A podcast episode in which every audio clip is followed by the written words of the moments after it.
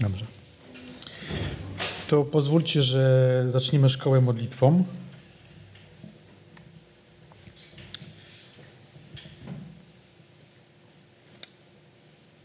Wiekuisty Ojcze, tak przechodzimy do Ciebie, Boże nasz, który jesteś pełen majestatu. Prosimy Cię, Boże, o, o to, abyś otworzył nasze oczy, nasze serca na Twoje słowo, aby zobaczyć Twoją chwałę. Poprowadź nas, Panie Jezu, abyśmy potrafili jak najlepiej zrozumieć to, co będziemy tutaj omawiać, zobaczyć wszystkie szczegóły. Ja, Panie, proszę Cię, abyś poprowadził także to, co chcę powiedzieć, to, co w Twojej łasce przygotowałem, dzięki ludziom, którym wcześniej pobudziłeś do tego, żeby zbadali yy, Twoje słowo. Dziękuję Ci, Panie, za pracę tych ludzi, którzy zaglądali do Starego Testamentu i opisali to w różnych swoich opracowaniach i książkach. Dziękuję Ci, Boże, za ich służbę. Panie Jezu, z całą pewnością tym temacie czegoś nie dostrzegłem, czegoś nie zrozumiałem, czegoś nie, nie widziałem. Jeśli Ty tutaj też to wyjdzie na jaw i, i w przyszłości, Panie, to nam to objawiaj. Tak, abyśmy mogli widzieć wszystkie Twoje objawy łaski, wielkości, abyś Ty, Panie, był uwielbiony. Błogosław ten czas ku Twojej chwale. Amen. Nie czekaliśmy na Ciebie, przepraszam.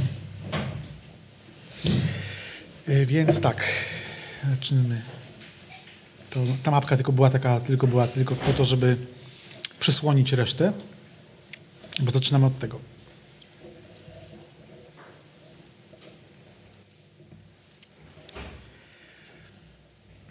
Badacie pisma, a właśnie one świadczą o mnie. To jest fragment wypowiedzi Pana Jezusa, który rozmawiał z faryzeuszami, którzy nie dostrzegali w nim w Chrystusie, inaczej, w Jezusie z Nazaretu Chrystusa, bo za mało cudów zrobił i jeszcze innych rzeczy, więc, więc oczekiwali kogoś innego. Plan na dziś jest taki, żeby powiedzieć, co to jest teofania, co to jest za słowo, żeby omówić taką zasadę Starego i Nowego Testamentu, która jest tutaj w cudzysłowie, bo to jest cytat, ale ogólnie ten cytat wyraża także każdy inny fragment Słowa Bożego, który mówi na ten temat, że żaden człowiek nie widział Boga. To jest druga rzecz. Trzecia rzecz to omówimy pokrótce słowo, słowo anioł. Następnie przejdziemy do takiej dłuższej części, która będzie właśnie mówiła na temat teofanii. Jeśli mi się uda, chciałbym to, to dzisiaj zrobić, żeby zamknąć się w teofanii, czy w chrystologii, zaraz to wyjaśnię, co one oznaczają, te, te określenia, tylko i wyłącznie w czasach patriarchów. To nie jest dużo w pewnym sensie, bo to jest Abraham, Izaak, Jakub i koniec. Tak naprawdę. E, ale zobaczymy, czy się uda. A w kolejnej części, jeśli pracownik pozwoli, to w przyszłym nowym roku już e, omówimy sobie dalszą część Słowa Bożego, bo ono aż do proroków jest objawienie teofaniczne Boga. E, więc tak, przechodzimy dalej. Teofania to jest nic innego jak preegzystencja Syna Bożego, Pana Jezusa Chrystusa w Starym Testamencie.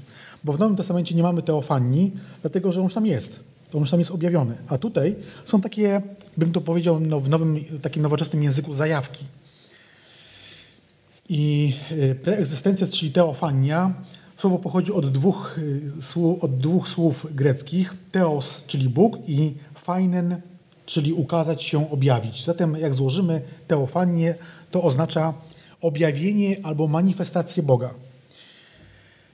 E, innym określeniem to jest właśnie Chrystofania. To już bezpośrednio dotyczy, to właśnie, to się nam kojarzy z objawieniami Pana Jezusa, ale to, to jest mm, synonim, wymienne słowo między teofanią czy Chrystofanią. W opracowaniach, publikacjach bardzo często ludzie, którzy o tym piszą, y, używają tych określeń zamiennie.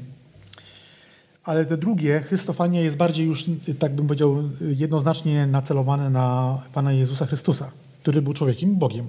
A Teofania bardziej nam mówi o bóstwu Pana Jezusa niż Jego człowieczeństwie. Ale będziemy widzieć, że było i tak, i tak w Starym Testamencie. Zatem teofania to jest widzialne objawienie Boga, tak można powiedzieć. Gdybyśmy chcieli w jednym słowie, w trzech słowach zdefiniować to określenie. I myśl przewodnia, o której wspomniałem, to to, co Pan Jezus, yy, mamy fragment z Ewangelii Jana. Ja przeczytam w przekładzie toruńskim. A ten, który mnie posłał, mówi Pan Jezus, Ojciec, Sam świadczy o mnie, ani głosu Jego nigdy nie słyszeliście, ani postaci Jego nigdy nie widzieliście. I nie macie Jego słowa w was, mieszkającego, stąd też nie wiecie, nie wierzycie temu, który Go posłał. Badacie Pisma, bo wydaje się wam, że w nich macie życie wieczne, a one składają świadectwo o mnie. Jakie to były Pisma w czasach Pana Jezusa? No, ogólnie mówimy o Starym Testamencie, nie było jeszcze żadnych innych, jeszcze przez przynajmniej 30 lat po Jego niebo wstąpieniu, tak? Jeszcze nie było nic spisywane. Więc y, to tylko pisma, prorocy i, mm, i psalmy, tak? Tak to mniej więcej ogólnie można byłoby podzielić w podziale hebrajskim. I takie uważne czytanie Słowa Bożego, chodzi mi tutaj o Stary Testament, Starego, Stare Przymierze, powoduje, że widzimy tam proroctwa mesjańskie, to na pewno. Z tym się nikt nie kłóci, bez względu na to, o, jakim, e, o jakiej wariacji chrześcijańskiej mówimy. Bo mówię o wariacji chrześcijańskiej, bo mam na myśli tutaj, że jest taki główny nurt chrześcijaństwa, który wielbi Boga jako jedną istotę w trzech osobach boskich, Ojciec, Syn, Duch Święty, ale są też takie, bym powiedział, e, poboczne, nie to, że chcę im ująć, ująć ich, ich szacunku, ale po prostu jest ich mniej takich wyznań, które też się nazywają chrześcijańskie. Ja mówię dlatego, że nazywają się chrześcijańskie, dlatego że trudno jest nazwać wyznanie chrześcijańskie, które od, odbiera y, bóstwo Chrystusowi. To wtedy powstaje pytanie, dlaczego go wielbisz, jeśli nie jest Bóg. No ale tu już jest jakby taka, taka gruba teologia, nie chcę w to wchodzić, tylko zaznaczam ten fakt.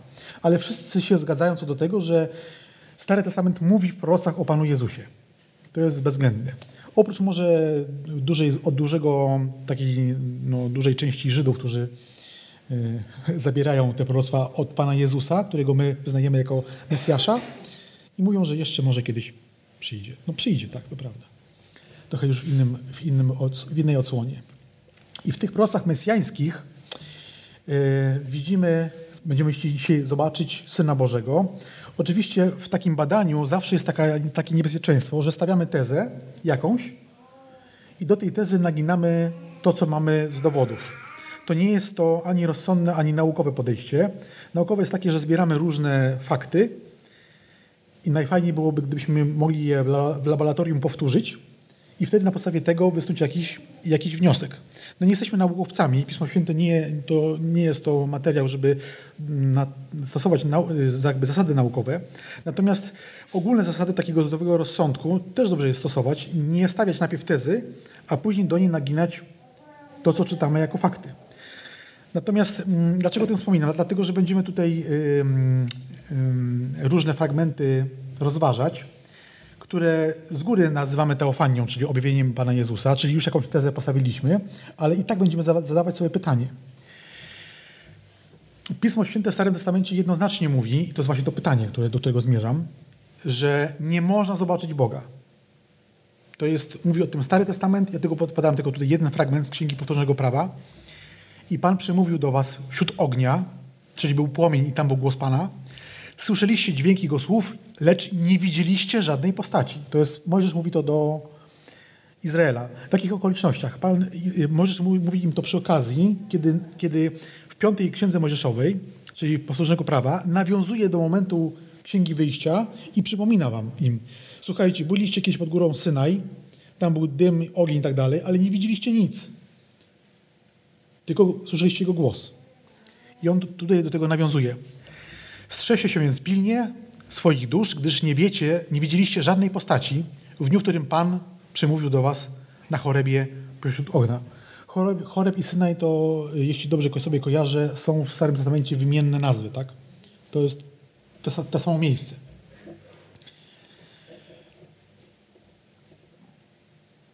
Myślę, że przejdę dalej, żeby nie, nie zatrzymywać. Tu jest kilka fragmentów z Nowego Testamentu, które mówią o tym jednoznacznie. Jak widzicie, zaczyna się to od przekładu Nowego Świata. To jest 2018 rok. Później mamy Biblię Warszawską, UBG, Toruńską. No i w każdym przekładzie jest to samo. To są różne fragmenty z Jana, z Kolosan, Tymoteusza, pierwszy list Jana. Ogólnie nie chcę ich odczytywać, tylko pokazuję im jako fakt, bo one mówią o tym samym. Boga nikt nigdy nie widział. Koniec, kropka. To jest zasada niewzruszona dla Starego i Nowego Testamentu.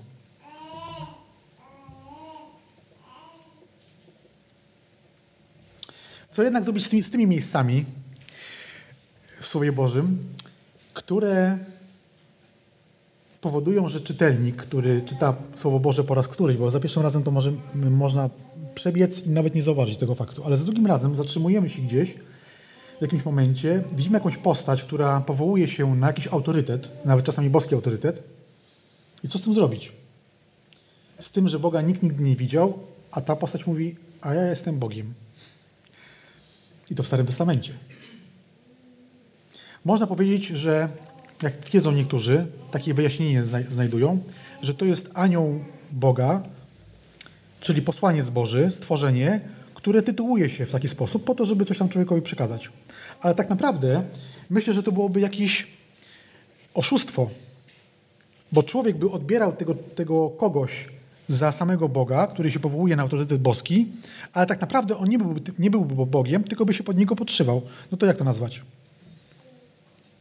No, nie ma odcieni szarości, jeśli chodzi o Pismo Święte, tak? jeśli chodzi o moralność Boga. Nie ma, że tak Bóg trochę jest prawy, ale nie do końca. No, albo jest czarne, albo jest białe. Albo się pokazał Bóg, albo nie. Albo Boga, Boga nie można zobaczyć, albo można Go zobaczyć. Musimy się na sytuację zdecydować. A jednak mamy powiedziane, że nie można. A z drugiej strony jakby nie do końca. Będziemy chcieli też na podstawie dzisiejszych tych fragmentów e, patriarchów to zbadać, jak to jest tak naprawdę. Anioł ja tylko dotknę tego określenia, bo nie, bo nie chcę się na zatrzymywać, bo to nie jest jakby temat naszego dzisiejszego spotkania, ale muszę o tym powiedzieć. My w języku polskim używamy słowa anioł, ale to nie jest nasze słowo. To jest słowo dorobione w jakimś sensie do Pisma Świętego. Dlaczego mówię, że dorobione? Dlatego, że jak widzimy, w języku hebrajskim jest to malak, tak brzmi to słowo, to jest posłaniec, a w języku greckim jest angelos, znaczy angelos, może tak, nie angelos, bo to po angielsku, angelos. A Wielu, wiele narodów sobie wzięło to słowo greckie, spolszczyło czy zangielszczyło, tak? I mamy słowo anioł, które odnosimy do stworzenia duchowego, ale stworzenia, tak? Natomiast gdybyśmy chcieli trzymać się tak sensu stricte y, faktów, jeśli chodzi o tłumaczenie, to nie powinniśmy mówić o tych stworzeniach bożych aniołowie, tylko posłańcy. Y, są takie przykłady, na przykład przykład toruński, nie w każdym miejscu, ale w wielu miejscach stosuje taką właśnie dosłowność. Jak zauważymy, to w Ewangeliach nie mówi o Chrystusie Jezusie, tylko mówi o, Chrystu, o, o Jezusie Chrystusie, tylko mówi o Jezusie Mesjaszu. Pod, podejmuje tą kwestię, albo pomazańcu nawet. Chodzi o to, żeby przetłumaczyć czytelnikowi polskiemu wszystkie słowa. Nie zawsze to jest rozsądne do końca, no bo musielibyśmy Ducha Świętego przetłumaczyć jako święty podmuch, wiatr czy coś takiego, tak? Więc z tym trzeba uważać, żeby nie wejść w. E, no nie, nie przerobić Pisma Świętego na jakąś wersję, która no nie istnieje teologicznie. Ale tak naprawdę posłaniec, anioł to posłaniec. E, korzystacie z Messengera? Tak? Co znaczy po angielsku Messenger? No, a dosłownie? Posłaniec. I w, języ- I w Biblii angielskiej, która właśnie używa zamiast ani- ani- słowa anioł bardzo często tłumaczenia na język angielski używa właśnie messenger. Ktoś, kto niesie, messenger to jest, to jest ktoś, kto niesie wiadomość. Tak? Przesył, posłanie wiadomości. Więc y, mamy w swoich komórkach y, posłańca, można powiedzieć.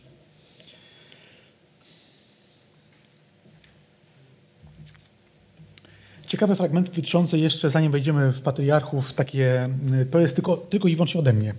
W tym sensie, że jeśli się z tym nie zgadzacie, to e, nie będę się o to kłócił. Znaczy w ogóle się w tym temacie nie będę kłócił, ale, ale moim zdaniem, kiedy czytam o tym, że usłyszeli człowiek i jego żona, to jest Biblia Poznańska, odgłos kroków, tak oddaje Biblia Poznańska. Rzeczą chyba niektóre wersje e, Biblii Tysiąclecia też. Odgłos kroków Jachwy Boga, przechodzącego się po ogrodzie, gdy wiadł codzienny wietrzyk, i słyszeli i uchylili się przed Bogiem Jachwę wśród drzew ogrodu, a on zaś odpowiedział, bo to jest dziesiąty werset, tak tam jest dziesiąty wycięty. Słyszałem odgłos Twoich kroków w ogrodzie i się przestraszyłem, bo jestem nagi. No i tam, dlaczego się ukrywać? Dlaczego o tym mówię? Dlatego, że stawiam pytania. Skąd Adam i Ewa wiedzieli, że to jest odgłos kroków czy szelest bo tak też niektóre przykłady mówią Boga. Przecież gdyby tam Bóg nigdy nie zachodził wcześniej, to jest taka, moja dywagacja, to może po prostu by szedł, tak? Czy jakieś inne zwierzę by robił szelest. Albo nie wiem, może jakieś mniejsze zwierzę, no, które robi szelest, a nie tupie w ziemię. Ale oni wiedzieli, że o tej porze przechadza się po ogrodzie Bóg i jak słyszeli, że, że jest ten szelest, to musiało być to tak charakterystyczne, że to właśnie idzie Bóg. No ale jeśli już załóżmy, zgodzicie się ze mną, że to właśnie był odgłos kroków Boga, który regularnie przychodził do ogrodu, no to co szło? Czy to był tylko wiatr, energia, kawałek błyszczącego czegoś?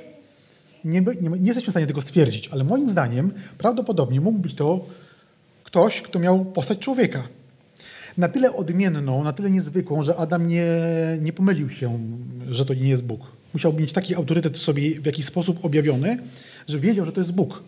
Ale dlaczego tak? No Adam się rodzi, mając język, mając jakieś umiejętności, ale tak naprawdę o świecie nic nie wie. Trzeba go w ten świat wprowadzić. Zobaczmy, że jeśli, jak widzimy, bo to w pierwszym dniu się wszystko dzieje, i stworzenie Ewy też, że on w pierwszym dniu ponazywał wszystkie zwierzęta. Jaki było jego IQ? To w ogóle jest niepojęte, żeby to zrozumieć. Ale od kogo on się uczył? Od Boga. Myślę, że to było spotkanie z Bogiem. I myślę, że tym Bogiem mógł być Chrystus. Jeśli zakładam, że Boga nikt nigdy nie widział. Zaraz powiem, dlaczego tak twierdzę. Ale mówię, to jest tylko moje takie rozważania. Y, jak się nie zgadzacie, to się nie zgadzajcie. Bo tutaj jest bardzo dużo różnych takich też pomysłów. Y, następnie też y, dwa słowa o wieży Babel czytamy tak. A Jachwę Pan, Biblia UBG, stąpił, aby zobaczyć miasto i wieże, które synowie ludzcy zbudowali, a Jachwę Pan powiedział, oto lud jest jeden i wszyscy mają ten sam język, a jest to dopiero początek ich dzieła. Teraz więc nie powstrzyma ich, ich od, teraz więc nic nie powstrzyma ich od wykonania tego, co zamierzają zrobić. I siódmy werset. Stąpmy więc i pomieszajmy ich języki. No znowu mamy ten moment w pierwszym rozdziale, pierwszym wersecie, yy, yy, nie trochę dalej, kiedy Bóg mówi, uczyńmy człowieka, tak? Do kogo on mówi? Do aniołów? Przecież oni nie mają możliwości stwórczej, tak? Więc to jest taka sugestia, przynajmniej tak wynika z języka hebrajskiego. Tam jest, tam jest troszeczkę inaczej z liczebnikami, jeśli chodzi o gramatykę. Mamy osobę, znaczy osobę pojedynczą, osobę podwójną i potrójną, a później zaczynają się liczebniki, więc to trzeba wziąć pod uwagę. E, no ale to taka ciekawostka, że moim zdaniem też Bóg stąpił w jakiejś osobie, żeby zobaczyć. Chociaż nie musiał tego robić, ale tak to, tak to opisuje, więc ja uważam, że Biblia, jeśli tak to opisuje, to nie ma tylko i wyłącznie w takich opisach dosłownych czegoś na myśli, tylko mówi o tym, co jest. Oczywiście też wiem, że są takie fragmenty, które tylko alegorycznie o czymś mówią, ale to wynika z kontekstu, który odczytujemy. Teraz prowadzenie, e, teraz prowadzenie do omawiania e, objawień Mesjasza to jest taka tabelka, która pokazuje e, przedział czasowy. Noe żyje 950 lat, po potopie żyje jeszcze 350 a tutaj, tutaj ta szpalta tych y, lat, które widzimy, to, są, y, to jest wiek, w którym kolejni mężczyźni, w którym kolejnym mężczyznom urodziły się dzieci. Tak? I jak dodamy te wszystkie lata, razem z wiekiem Teracha, któremu się pierwsze dzieci urodziły mając 70 lat, pewna różnica między tymi, którzy mieli 30 a 70, a Terach był, zaznaczam, ojcem Abrahama, tu zmierzam w pewnym wniosku, ale też o nim powiem. A może powiem teraz to widzimy, że e, Abraham żył prawdopodobnie jeszcze około 290 lat, przepraszam, 58 lat współcześnie z Noem. Mogło tak być. Tam jeszcze nie mamy wspomniane chyba o dwóch pokoleniach, ale nawet gdyby one były, to i tak e, załap załapuje się na e, Noego. Nie mamy takiej relacji, żeby się widzieli, ale jeśli byli od Sema, kto wie, kto wie. Abraham później okazuje się, że ma bardzo dużą wiedzę o Bogu. Skąd ma tą wiedzę? Od ojców od ojców. Zaznaczam, że, że Terach, Terachowi urodził się Abraham, kiedy Terach miał 70 lat.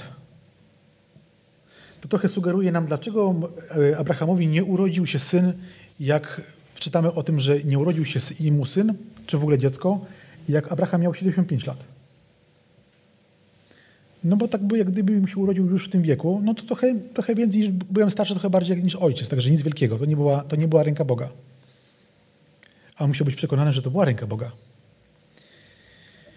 Więc yy, wydaje się być celowym, nawet jestem pewien, że Bóg specjalnie czekał tyle, żeby umarł Abraham i umarła Sara. Mimo to mówi, mam na myśli ich możliwości rozrodcze, tak? Bo ich możliwości rozrodcze umarły. Oni żyli, jedli dalej, tak? Naprawdę jeszcze, jeszcze lata, ale już nie mogli mieć potomstwa. Bóg czekał, aż ich możliwości umrą. I dopiero wtedy byli przekonani, że to robi Bóg, a nie na przykład, no, tak trochę nie do końca. Wiecie, to powiem tak, grzech nas strasznie yy, powoduje, że ja, ja, tak, ja tak mam, że potrzebuję takich dowodów bożych, yy, oczy, oczywistych. Jak jest to za, zawolowane, to mam z tym czasami problemy. Myślę, że Abraham też mógł mieć takie problemy. Yy. To jest mapka. Z Ur wychodzi z Terachem i z Lotem. I Terach miał jeszcze jednego syna, ale on zmarł. Dość wcześnie idą sobie do, do Haranu. Pan Bóg mu mówi, wyjdź od swojego domu rodzinnego i on tak wyszedł, że zabrał wszystkich. A w zasadzie Terach zabrał wszystkich i poszli do Ur. No, z Ur do, do Haranu. Trzeba powiedzieć, że Ur to było, nie wiem, Nowy Jork, miasto na Księżycu, Alfa Centauri, jak to nazwać. To było tak niesamowite, nowoczesne miasto z kanalizacją, piętrowe domy. Nam się wydaje, że oni żyli w kurhanach, w ziemiankach, nic bardziej mylnego. To była bardzo rozwinięta cywilizacja, bardzo mądrzy ludzie. Genialne miejsce do tego, żeby handlować, prosperować, delta różnych rzek. Oni poszli, poszli do Haranu. Tam też nie było źle, ale trochę inaczej już. I tam Bóg czeka, aż Terach umrze, bo jak Terach nie umrze, to oni nic nie zrobią. Przynajmniej Noe, nie Noe, tylko Abram się nie ruszy z miejsca. I jeszcze o Terachu, a może dalej pójdźmy. Ważne miejsca na mapie wszystkich działań, które są związane z patriarchami. Od góry Sychem, to tam, gdzie po latach sobie ten Sychem właśnie wziął Dinę. Wziął, mówię delikatnie, no ale ją wziął. Chciał być z nią, ale się nie udało. Betel to też szczególne miejsce, o nim będziemy mówić. Salem, no to tam, gdzie był Melchizedek mieszkał, tak, jako król i kapłan Boga Najwyższego, czyli Boga Jahwe. Mamre, no to tam, gdzie też były ważne wydarzenia, zaraz o tym powiem. Berszeba to nazwa, którą chyba Jakub dał temu miejscu i Lachaj-Roi to dała temu miejscu nazwa pewna, pewna Egipcjanka. Też do niej dojdziemy. Jeśli chodzi o słowo samo Ber, to słowo ber po hebrajsku znaczy studnia albo źródło, więc, więc studnia Szeby. A jeszcze powiemy sobie, co znaczy Szeba, ale to później. Dobrze. Teraz już przechodzimy do, do takiego rozpatrzenia tych różnych elementów, tych różnych sytuacji, w których Bóg się widział z ludźmi. I mamy tutaj rodzaju 12.1.8. Czytamy tutaj, że Abraham, Abram miał 75 lat kiedy Bóg mu polecił wyjść z Haranu. Drugi werset. A uczynię z ciebie wielki naród, będę ci błogosławił i, i rozsławią twoje imię i będziesz błogosławieństwem.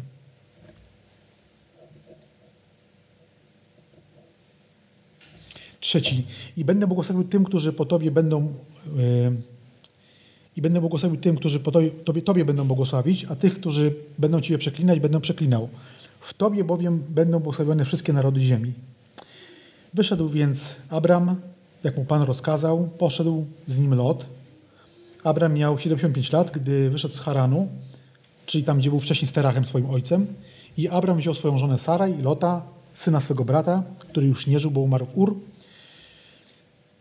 i cały dobytek, który y, zgromadzili i dusze, które nabyli w Haranie i wyszli, aby udać się do ziemi Kanaan i przyszli do ziemi Kanaan, Abraham przeszedł tę ziemię od miejsca w Sychem, tak? tam gdzie zaczęliśmy na samej górze, czyli na północy, aż do Mamre. Cofam się. Czyli można powiedzieć, że połowę ziemi obiecanej przeszedł, tak? To jest ta trzecia od dołu. Tu jest Mamre, a na samej górze jest Sychem.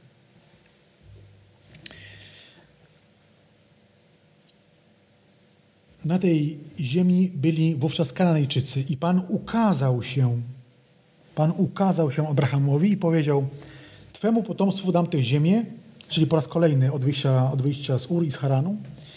I Abraham zbudował tam ołtarz dla Pana, który mu się ukazał, a stamtąd przeniósł się do góry na wschód od Betel i tam rozbił swój namiot między Betel a od zachodu Aj od wschodu. Tam również zbudował ołtarz dla Pana i wzywał imienia Pana. No tak Bóg mu się pokazał, więc on y, religijnie, człowiek z wiarą do tego podszedł. Bardzo dobrze.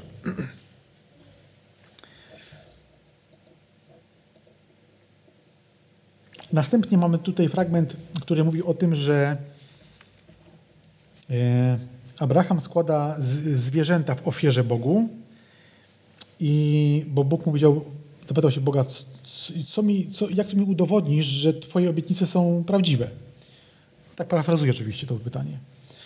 No i Bóg powiedział, złóż mi ofiarę, tak można powiedzieć. I on tam te różne zwierzątka porościnał, ptaków nie porościnał i starał się, żeby nikt mu to nie zjadł, ale nie do końca mu się udawało, aż padł ze zmęczenia i zasnął. I tutaj mamy ten fragment, w którym y, też wcześniej wspomniałem, dlaczego Bóg czeka aż tyle lat, żeby Abraham miał syna. No i w te zwierzęta, i, to jest też taki właśnie powód, że jego ojciec miał jego samego w wieku 70 lat, tak? Abraham, ma, Abraham ma 75 lat, więc jeszcze siły witalne w nim są. I Abraham musiał całkowicie zaufać Bogu. Tak, jak z tymi zwierzętami. Nie dał rady ich obronić. One by te ptaki drapieżne mu je wszystkie zjadły. No bo wyobraźmy sobie, że różne zwierzęta hodowlane porościnał, to zajęło mu to pewnie kilkadziesiąt metrów, tak? Bieganie od jednego ptaka, który tam gdzieś leży zabity przez niego, jako ofiara, do kawałka habaniny, z, której z drugiej strony i odpędzania tych y, ptaszysk, które chciały mu to zjeść, no to zajęło mu to mnóstwo czasu i energii. Aż w końcu padł, ale Bóg się o to wszystko zatroszczył. To taki był, mi się wydaje, obraz tego, że, że dzieło Boga jest w jego ręku, a nie w ręku człowieka. Ale to też niewiele nas uczy często. E, I przejdę do tego fragmentu. To jest 15.1.6.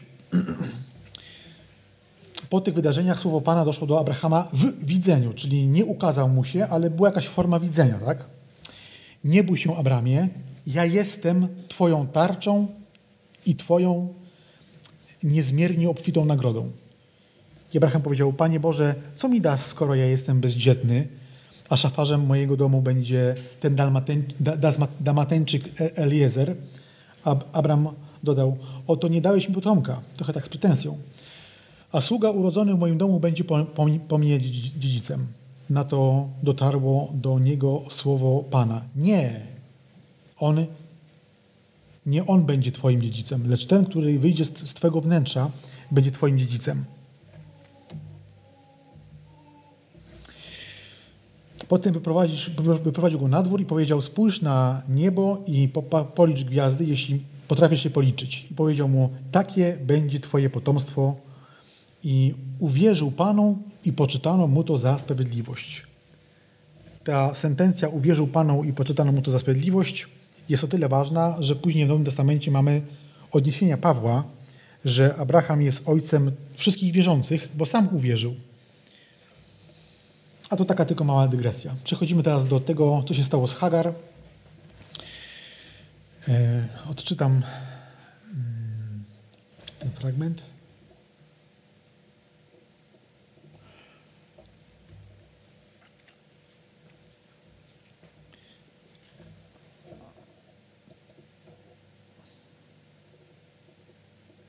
Może taki jeszcze wprowadzenie. Pamiętamy tą rzecz, że Sara chciała trochę na własną rękę. Zresztą Abraham chyba też. Nawet na pewno. Bo powiedziałby, słuchaj, no ja, to ja nie będę z niewolnicą y, y, żył, no bo czekamy na Boga. Ale jednak tak nie powiedział. Więc mamy ten szesnasty rozdział, szósty werset. Abraham powiedział do Saraj, Oto Twoja służąca jest w Twoim ręku, zrób nią, co uważasz za słuszne, a gdy Saraj, Saraj dręczyła ją, uciekła od niej. I anioł Pana anioł Jachwe inaczej, znalazł ją u źródła wód na pustyni, u źródła przy drodze do Szur i zapytał, Hagar, służąco Saraj, skąd przyszłaś i dokąd idziesz? Ona powiedziała, uciekłam od swojej pani, Saraj. Anioł Pana powiedział jej, wróć do swojej pani i oddaj się pod jej władzę. Powiedział jej też anioł Pana, rozmnożę, ja rozmnożę Twoje potomstwo tak bardzo, z powodu, że z powodu jego mnogości nie będzie można go policzyć. Potem anioł Pana powiedział do, do niej, oto poczęłaś i urodzisz syna i dasz mu na imię Ismael, bo Pan usłyszał Twoje cierpienie. I nazwała to miejsce i nazwała Pana, który do niej mówił, Ty jesteś Bogiem, który mnie widzi. Powiedziała bowiem, czyż tu nie, nie spoglądałam na tego, który mnie widzi? Dlatego nazwała tę studnię studnią żyjącego, który mnie widzi. I jest to mm, z języka hebrajskiego ta nazwa studnia żyjącego, Ber, czyli studnia Lachaj Roy.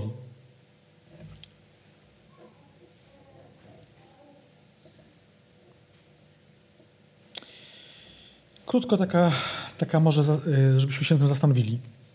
Czy anioł, czy Bóg Jahwe rzeczywiście był w tym miejscu? Czytamy, że anioł był, tak? Czyli posłaniec. Czy rzeczywiście był y, y, na spotkaniu z Hagar? Czy jej się tylko wydawało? Nazwała to miejsce Bóg, który mnie widzi, ale w dziesiątym wersecie, tutaj jeszcze on jest pokazany, czytamy, że powiedział jej anioł Pana, rozmnożę, ja rozmnożę. Nie Bóg Jahwe, którego reprezentuje w tym sensie, tylko ja rozmnożę. To jest pierwsza osoba liczby pojedynczej. Ale dalej widzimy, że mówi on, to jest jedenasty werset,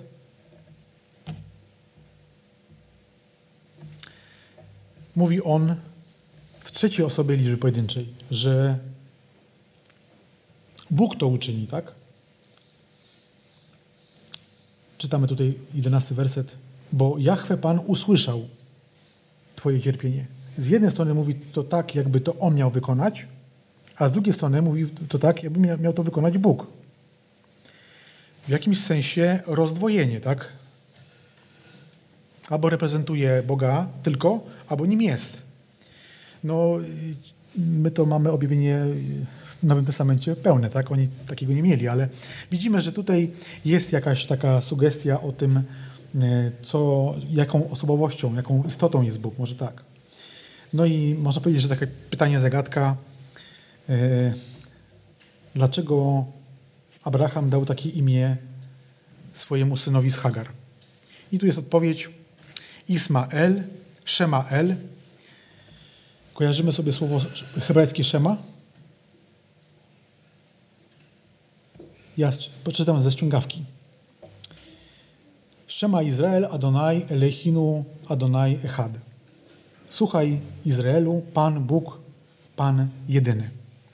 Więc to słowo Szema jest zawarte w imieniu Izmael i znaczy to Bóg, który mnie widzi, albo Bóg słyszy. Tak? Bóg, który mnie słyszy. I skąd Abraham wiedział, jakie miał, ma, ma dać imię Ismaelowi? Musiała Hagar wrócić, wiemy, że wróciła, i musiała mu to opowiedzieć. I ta, to miejsce zostało nazwane Ber Lahai Roy i ta nazwa już zafunkcjonowała. Później jak czytamy Stary Testament, Yy, Księgi Mojżeszowej i dalej, to to się tak nazywa, to miejsce się tak nazywa. Właśnie dlatego, że w tym miejscu ta niewierząca kobieta, można powiedzieć, poganka, chociaż trudno mówić o, o, o pogaństwie jeszcze przed y, Chrystusem, tak? ale no nie pochodząca z linii Sema, tak? tych, którzy byli jakby powołani przez Boga, ona sama jest, ma, jest przekonana, że widziała Boga. Skąd takie przekonanie? Gdyby jej się tego wydawało, to, to czy Pismo Święte nie powinno nam powiedzieć, myślała ona, że, że widziała Boga i tak nazywała to, to, to miejsce. Ale nie mamy takiego komentarza czy dydaskaliów yy, innych, w innych miejscach Starego Testamentu, czy nawet Nowego, który by nam poddawał wątpliwość jej przekonanie, że spotkała się z Bogiem Jahwe, ale czytamy tutaj, że to był posłaniec Jahwe. Jaki posłaniec?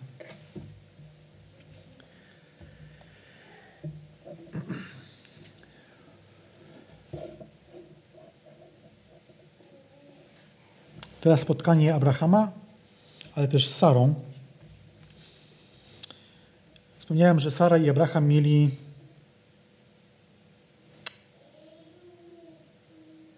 taką mieli problem w zrealizowaniu zamierzenia Bożego. To chodzi mi o, o tą obietnicę. E, widzimy, że w 17 rozdziale spotkanie e, Boga z Abrahamem, to już czytaliśmy, może teraz do niego jeszcze przyjdziemy trochę. E, I chodzi o to, że Bóg oczekiwał takiego wewnętrznego złamania na Abrahama i ono do niego doszło. I zobaczmy na ten 17 rozdział od pierwszego wersetu.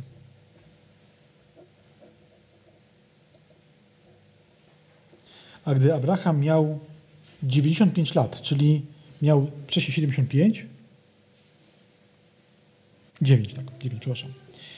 Więc minęło y, prawie dwie dekady. Już ma kilkanaście lat y, Ismael. I minęło te 95, i ma teraz 95 lat. Ukazał mu się anioł, y, ukazał się Abrahamowi Pan i rzekł do niego: Jam jest Bóg Wszechmogący, El Shaddai, trwaj w społeczności ze mną i bądź doskonały.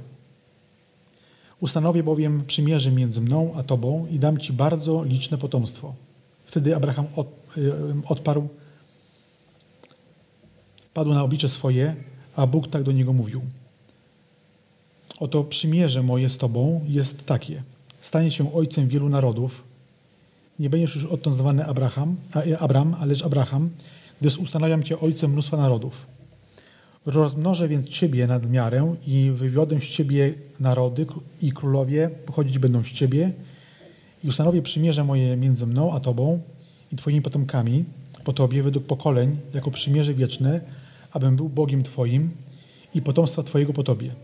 Ziemię, po której przebywasz jako przychodzeń, całą ziemię kananejską dam tobie i potomstwu twemu po tobie na wieczne posiadanie i będę Bogiem ich. Na to rzekł Bóg do Abrahama. Ty zaś, a po tobie wszystkie twoje pokolenia, dochowujcie przymierza mego. A to jest moje przymierze. Na czym ono polega? Przymierze między mną a, a wami i potomstwem twoim po tobie, którego macie dochować, jest takie. Obrzezane zostanie u was każdy mężczyzna.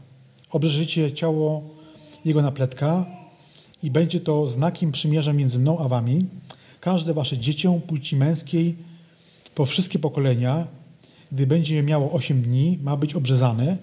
Podobnie też wszystkie inne dzieci, zarówno urodzone w domu, jak i nabyte za pieniądze od jakiegokolwiek cudzoziemca, który nie jest swojego potomstwa. No i 15 werset. Potem rzekł Bóg do Abrahama: Saraj, swojej żony, nie będziesz nazywał Saraj, lecz imię jej będzie Sara. Będę jej błogosławił i dam ci z niej syna, będę jej błogosławił i stanie się matką narodów. Od niej pochodzić będą królowie narodów. Wtedy Abraham padł na oblicze swoje i się roześmiał, bo pomyślał w swoim sercu, czyż stuletniemu może urodzić się dziecko? I czy Sara, dziewięćdziesięciolatka, może urodzić? I rzekł Abraham do Boga, Oby tylko Ismael został przy, przy, przy, przy życiu przed Twoim obliczem. Na to rzekł Bóg, nie, ale żona Twoja Sara urodzi Ci syna i nazwiesz ją imieniem, nazwiesz go imieniem Izaak, a ja ustanowię przymierze między y, moje z nim jako przymierze wieczne dla potomstwa po nim. Co do Ismaela, wysłuchałem Cię, oto pobłogosławię mu i, roz, i rozplenię go i rozmnożę go ponad miarę, zrodzi on dwunastu książąt i uczynię z niego wielki naród.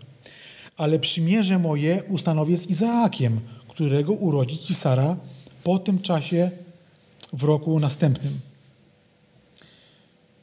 Więc bardzo dosadnie Bóg mówi do Abrahama. Nie ma tutaj żadnych wątpliwości, że co mu obiecuje. No i później mamy informację, że Abraham z wiarą stosuje się do tego polecenia Bożego jako znak przymierza. Wcześniej były te ofiary, a teraz jest znak przymierza na nim, tak? który Bóg mu zostawia. Tym znakiem ma być obrzezanie mężczyzn. No i dokonuje obrzezania. Więc widzimy, że też Abraham w sposób szczególny to przeżywa, bo pada na swoją twarz bo jest to przymierze, czyli umowa, tak? To jest bardzo poważna sprawa. I Bóg wie, że taka jest i Abraham też sobie z tego zdaje sprawę, bo wchodzi w jakąś relację z Bogiem. Nie jest, nie jest to tylko wielbienie Boga, składanie Mu ofiar, ale wejście w umowę. Bóg coś obiecuje na siebie i zawierają kontrakt. Bądź ze mną, wielbij mnie, uwierz, wierz we mnie, a ja ci dam potomstwo. A on jeszcze go nie ma, a ma 100 lat bez roku. A jak pamiętamy, tato jego miał jego samego w wieku 70 lat. Może spodziewał się, że jak, wychodzi, jak wyszedł z, z Haranu, to też miał tę obietnicę, więc zaraz się może urodzi potomek. Nie urodził się potomek, urodził się Ismael, fajnie, ale Bóg mówi, nie, to nie on. A on sobie mówi, panie, ale ja już no, jestem umarły pod tym względem, no to jak? Ale Bóg mówi, nie. Nie Ismael, tylko twoja żona urodzi ci syna. On mówi, no dobrze, ale ona też nie jest młoda. Zobaczmy niezwykle ciekawe, e, takie wręcz enigmatyczne spotkanie, następne e, Abrahama. To jest 18 e, rozdział. Też fragment może odczytamy.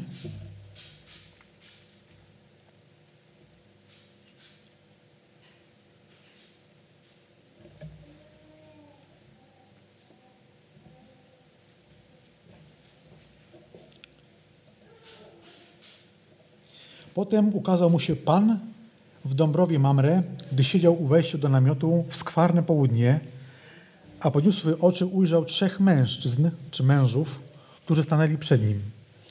Ujrzawszy ich, wybiegł od wejścia do namiotu na ich spotkanie i pokłoniwszy się do ziemi, rzekł: Panie, jeślim znalazł łaskę w Twoich oczach, nie omijaj, proszę Twego sługi, pozwól, by przyniesiono trochę wody, abyście obmyli nogi Wasze, Potem odpoczniecie pod drzewem, przyniosę też kawałek chleba, abyście się posilili. Wszak po to wstąpiliście do sługi waszego. Potem możecie od... pójść dalej. Wtedy oni rzekli, uczyń tak, jak powiedziałeś. I pośpieszył Adam, Abraham, Abraham do namiotu Sary i rzekł, rozczyń szybko trzy miary wybornej mąki, zrób placki. Potem pobiegł Abraham do bydła, wziął młode, delikatne i, i dobre i dał je słudze, który śpiesznie je przyrządził. Wziął także masło, mleko i cielę, które przyrządził i postawił je przed nimi. Sam stanął przy nich pod drzewem, a oni jedli. Wtedy rzekli do niego, gdzie jest Sara, twoja żona? A on powiedział, w tym oto namiocie. Wtedy rzekł, na pewno wrócę do ciebie za rok, o tym samym czasie, a wtedy żona twoja Sara będzie miała syna. Sara zaś przysłuchiwała się u wejścia do namiotu, które było za nim. Abraham i Sara byli starzy, w podeszłym wieku. Ustało już u Sary to, co zwykle bywa u kobiet, to też roześmiała się Sara do siebie, mówiąc, teraz, gdy się zestarzała, mam tej rozkoszy za zażywać i mój Pan jest stary. Na to rzekł Pan do Abrahama, dlaczego to roześmiała się Sara, mówiąc, Czyżbym naprawdę mogła jeszcze rodzić, gdy się zestarzałam? Czy jest cokolwiek niemożliwego dla Pana? W oznaczonym czasie za rok wrócę do ciebie, a Sara będzie miała syna. Wtedy Sara zaparła się, mówiąc: Nie śmiałam się, bo się bała. Ale on rzekł: Nieprawda, śmiałaś się. Potem wyruszyli stamtąd owi mężowie i skierowali się ku Sodomie. Abraham zaś szedł z nimi, by ich odprowadzić. No i Pan mówił dalej. Później mamy informację o tym, że Pan do niego mówił o tym, o Sodomie, tak? Ale końcówka to jest ostatni fragment tego, tej relacji. Abraham zaś stał przed Panem, więc było to spotkanie. Trzej mężowie i spotkanie. I też warto na, ten, na tym się trochę zastanowić, zatrzymać, bo widzimy tutaj to spotkanie i powstaje pytanie, czy rzeczywiście Bóg spotkał się z Abrahamem, a było ich trzech mężczyzn, tak? Wiemy, że tamci byli posłańcami Boga, to byli aniołowie. I jak widzi... Proszę? Tak, tak, tak.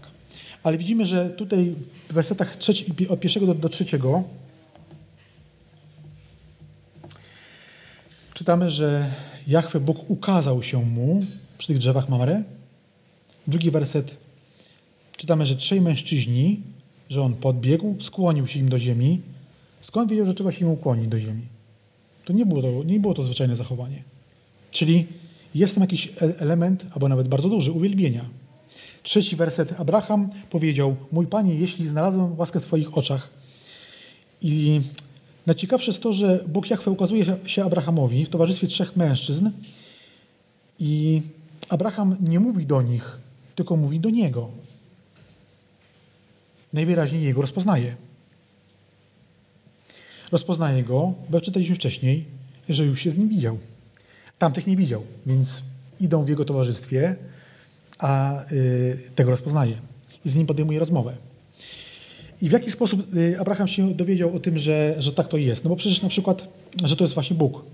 Bo w liście do Hebrajczyków w, w rozdziale 13, wersecie drugim czytamy, że y, niektórzy, chyba nawet to mam, gościli Gościli, nie, nie zapominajcie o gościnności, są bo, przez, przez nią bowiem niektórzy, nie wiedząc o tym, aniołów gościli. To jest prawdopodobnie o Abrahamie, dlatego że nie mamy innej relacji, która by y, o tym, y, do tego, tego, tego sugerowała. I powstaje pytanie, w, kim, w końcu kim oni byli? I czy to się ze sobą łączy, że on gościł aniołów, a jednak nie do końca, bo tam był Pan, tam był Bóg Jahwe. Jak to ze sobą pogodzić, te wszystkie relacje? Boga nikt nigdy nie widział, a jednak widział, bo widział go Abraham. Mieli być to aniołowie i byli aniołowie, ale ten jeden anioł nie był aniołem, tylko był Bogiem Jahwe. Wszystko jest takie, jak się na to popatrzy, w ogóle niespójne, bo jedna część Pisma mówi to, druga część Pisma mówi tamto, a wiemy, że Pismo Święte jest spójne. I ciekawe jest to, że y, to Abraham zaczyna rozmowę i na początku jest tak, że czytamy o tym, e,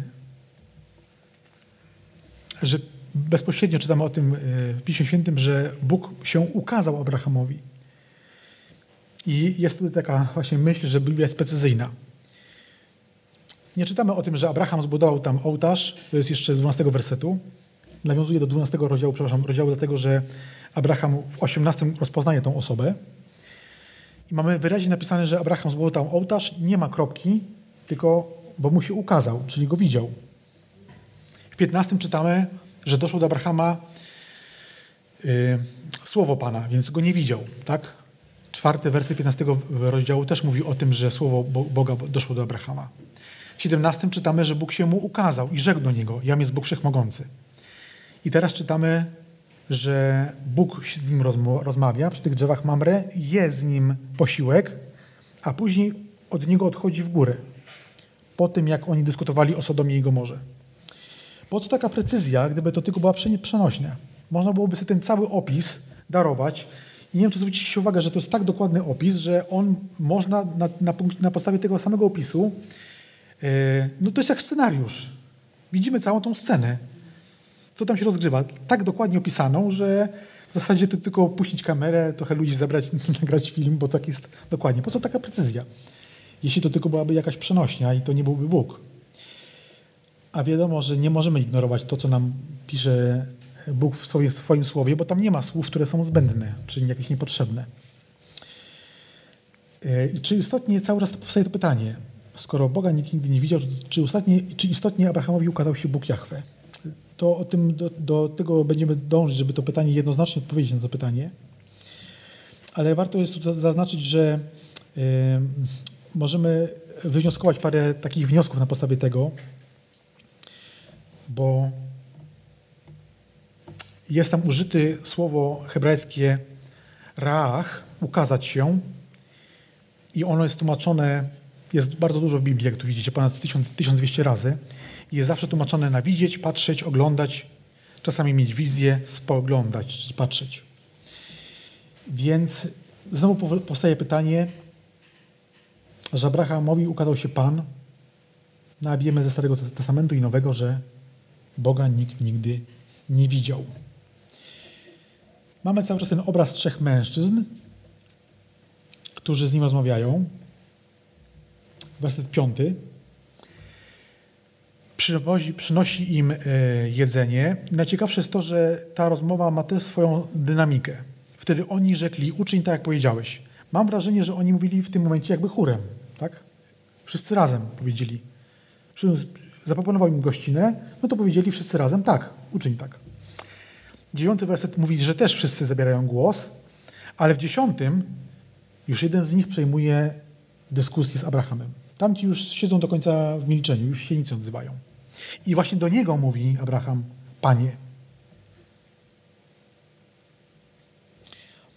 Na to jeden z nich rzekł, to jest dziesiąty werset. Powrócę do ciebie po upływie roku, wtedy Sara będzie miała syna. To jest Biblia Gdańska, yy, Biblia Poznańska, tak to tłumaczy. I takie pytanie, który to rozmawiał, który to był, który to był tych, z tych ludzi, którzy o tym mówił. Bo w dziesiątym wersecie też mamy reakcję Sary,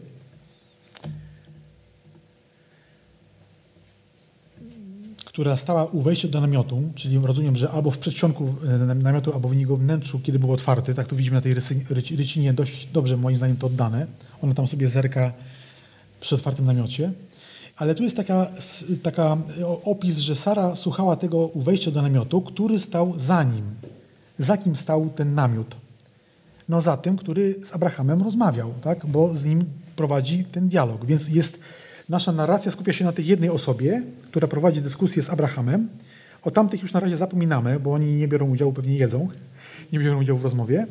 I Sara, Sara stoi w namiocie, a ten namiot jest za nim.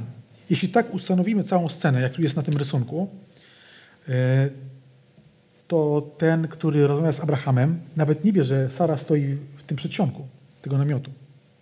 Nawet nie wie, że ona podsłuchuje, bo, nie, bo on jej nie widzi, tak?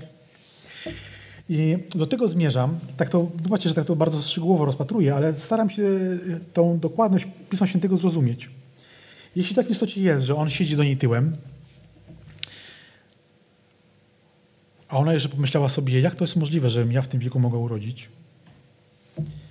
no to skąd ten dziwny anioł wie, że ona tam jest i jeszcze co sobie pomyślała?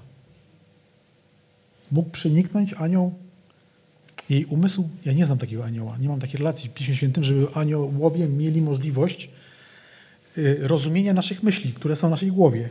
Może po jakimś zachowaniu, jakimś grymasie, może tak. My, my też często od, odgadujemy czyś nastrój, ale po pierwsze on jej nie widzi, nawet nie wie, że tam jest, no bo, bo jej nie widzi, a po drugie skąd może wiedzieć, co myśli. Ale najciekawsze jest też to, że on pyta o to Abrahama, no bo prowadzi rozmowę z mężczyzną, tak? Abraham stoi przed nim przy drzewie, więc jego pyta, dlaczego twoja żona się śmiała? Tak naprawdę mówi mu, słuchaj, ty też się śmiałeś. Bo pierwszy Abraham się śmiał. Ale Abraham jest, siedzi cicho. Dlaczego siedzi, siedzi cicho Abraham? Jako mężczyzna powinien powiedzieć, na to pytanie odpowiedzieć, tak? Wnioskuję z tego, oczywiście nie ma tego w piśmie napisane, ale wnioskuję, że Abraham wcale nie dawał sobie nawet sprawy z tego, że ona coś takiego pomyślała. No bo skąd może wiedzieć, co pomyślała jego żona bo ona sobie to pomyślała, tak? Miała to w swojej głowie, w środku. A on, ją, on jego pyta, ten dziwny anioł, który może przeniknąć myśli ludzkie, e, że co sobie ta kobieta pomyślała. No i ona odpowiada, że, że, nie że, sobie, że się nie śmiała, chce wprowadzić go w błąd, a przecież on wie, co o niej pomyślał, co sobie ona myślała w głowie.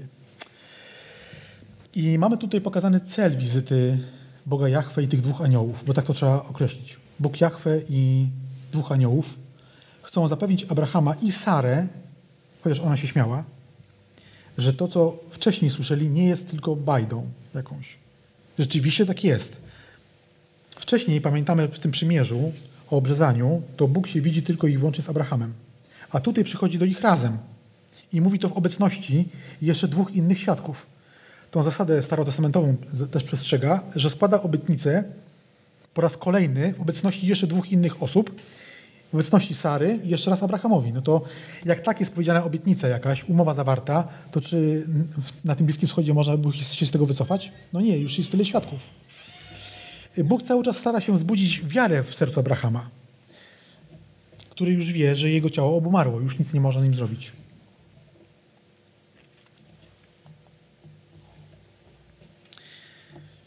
Mamy teraz kolejny moment, 22 rozdział.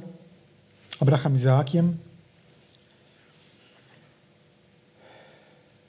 To jest jeszcze bardziej wyjątkowe spotkanie Boga z Abrahamem i Izaakiem, bo przy ołtarzu, i to są takie wydarzenia, które są wyjątkowe dla już Ewangelii,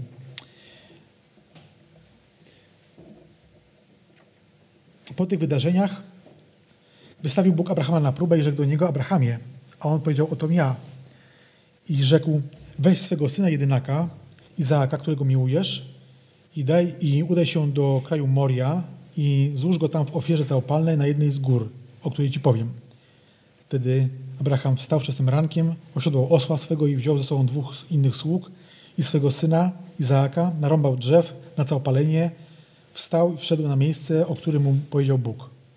Trzeciego dnia poniósł oczy swoje i ujrzał z daleka to miejsce. Piąty werset. Wtedy rzekł Abraham do swoich sług, zostańcie tutaj z osłem, a ja i chłopiec pójdziemy tam, gdy, a gdy się pomodlimy, wrócimy do was. Abraham wziął dwa drwa i całopalenie i wziął ze sobą swego syna, sam zaś wziął do ręki ogień i nóż i poszli obaj dalej. I rzekł Izaak do swego ojca Abrahama, mój ojcze. A ten odpowiedział, oto jestem mój synu. I rzekł, oto ogień i drwa. A gdzie jest jagnię na copalenie?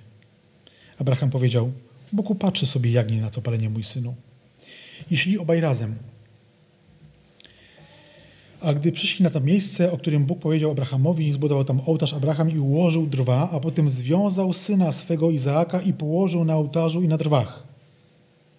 I wyciągnął Abraham swoją rękę i wziął nóż, aby zabić swego syna. Lecz anioł pański zawołał z nieba, zawołał z nieba i rzekł, Abrahamie, Abrahamie. A on rzekł, oto ja. Nie podnoś ręki na chłopca i nie czyń mu nic. Teraz bowiem wiem, że boisz się Boga, gdyż nie wzbraniałeś się ofiarować mi jedynego swego syna. I czternasty werset. I nazwał Abraham to miejsce Pan zaopatruje. Jachwe Jerech. Dlatego się mówi o tym miejscu na górze Pana jest zaopatrzenie. E, bardzo niezwykła scena. Góra Moria, e, co w ogóle ta Moria znaczy? Pytanie zagadka. I to znaczy Izaak. Pytanie zagadka. Pewnie gdzie tam to kiedyś było. E, Izaak to inaczej śmiech można powiedzieć, tak? czy, czy, czy żart. I tak go Bóg nazwał właśnie takim, takim żartem, bo i, i Sara i Abraham się śmieli z tego, że będą mieli syna. Inaczej y, w takim ładnym tłumaczeniu można powiedzieć, że Izaak to jest on się śmieje. Więc mamy też górę Moria. Y, czy wiemy, gdzie się znajduje góra Moria? Teraz obecnie? To jest wzgórze świątynne. Więc y, zobaczmy, jaki to jest obraz obraz, w którym y, mamy pokazane, co Bóg zrobi z własnym synem, żeby odkupić ludzkość. Piękny obraz tego, jakie jest wyzwolenie. I kiedy zobaczymy do Nowego Testamentu, to w Ewangelii Jana 8 rozdziale 56 wersecie mamy tak napisane. Abraham, wasz ojciec, z radością żądał, to jest Biblia Gdańska 1881. Z radością żądał, aby oglądał dzień mój i oglądał i radował się. Wtedy rzekli Żydowie do niego, pięćdziesięciu lat jeszcze nie masz. Abrahama widział, rzekł mi Jezus, zaprawdę, zaprawdę powiadam wam, pierwej niż Abraham był. Tu jest Jan, to jest literówka, jam jest. Porwali wtedy kamienie, aby w niego ciskać. I e, można powiedzieć, o, o jakim momencie Pan Jezus mówi, że Abraham się radował.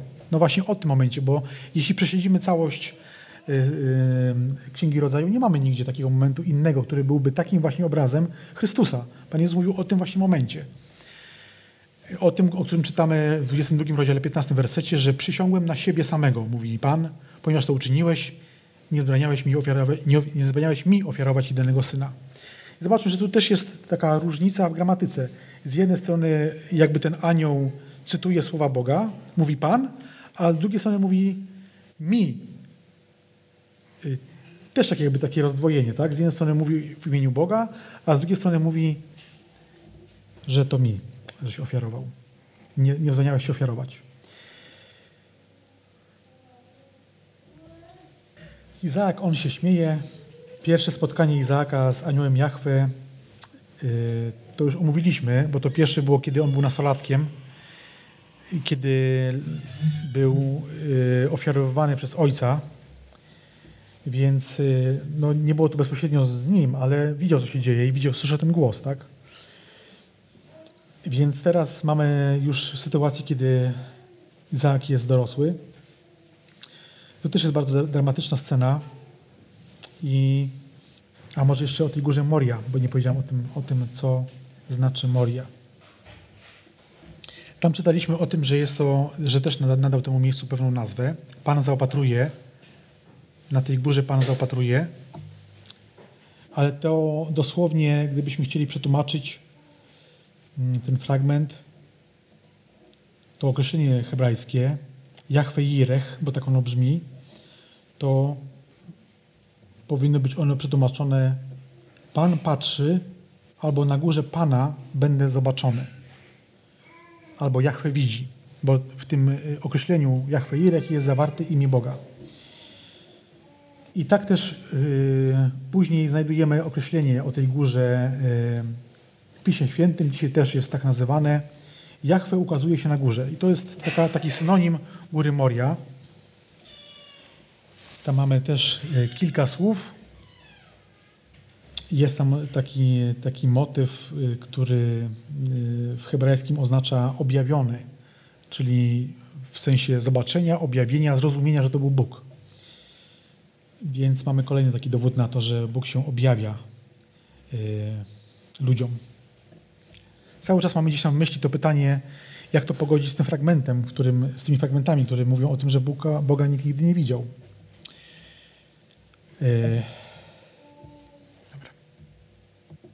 Spotkanie z Zaakiem. Potem nastał głód na ziemi. Po tym pierwszym głodzie, wiemy, że też był pierwszy głód za czasów Abrahama, on poszedł do Egiptu i powiedział o swojej żonie, że to moja siostra. To taka ciekawostka też, że ci ludzie byli, nie byli tak tacy bardzo zdegenerowani, w sensie takim, że mieli poczucie moralności i jakiegoś prawa, bo jak e, król Egiptu chciał e, sobie wziąć Sarę, a Bóg mu powiedział, słuchaj, przesadziłeś, tak krótko mówiąc, no to on powiedział, słuchaj, no mówię, że to jest twoja siostra, a ja chciałem ją już wziąć jako żonę, a Bóg by nam zrobił tutaj nieszczęście, więc y, warto mówić prawdę. A jeśli to jest jakaś tajemnica, to po prostu w ogóle jej nie mówić. Ale tutaj nie było tajemnicy. Więc mamy kolejny głód na, na, w Kanaanie. I Izaak udał się więc do Abimelecha, króla Filistynów, do Geraru. Wtedy Pan ukazał mu się i powiedział, znowu mamy te, ten zwrot, ukazał się nie idź do Egiptu, ale mieszkaj w ziemi, którą Ci wskażę, bądź przybyszem w tej ziemi, a ja będę z Tobą i będę Ci błogosławił. Tobie bowiem i Twojemu potomstwu dam te wszystkie krainy i dotrzymam przysięgi, którą złożyłem Twojemu ojcu. Więc Izaak dobrze sobie, sobie zdaje sprawę z tej przysięgi. Wie, jak ona brzmi. I roz, rozmnożę Twoje potomstwo jak gwiazdy na niebie, ta sama obietnica, i dam Twojemu potomstwu wszystkie krainy, a będą błogosławione w Twoim potomstwie wszystkie narody ziemi. Izaak mieszkał więc w Gerarze. I wyruszył stamtąd do Berszeby i tej nocy ukazał mu się Pan i powiedział, ja jestem Bogiem Twojego ojca Abrahama, nie bój się, bo ja jestem z Tobą, będę Ci błogosławił i rozmnożę Twoje potomstwo ze względu na mojego sługę Abrahama. I mamy też te główne elementy zaznaczone.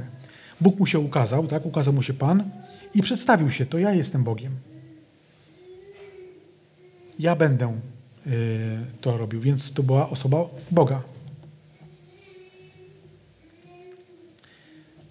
Y, to zaraz przejdziemy do Jakuba. Jeszcze kilka myśli o tym naszym y, Izaaku. Jest to taka obietnica i przypieczętowanie Bożej obietnicy dla Izaaka. I mamy tutaj miejscowość Berszeba.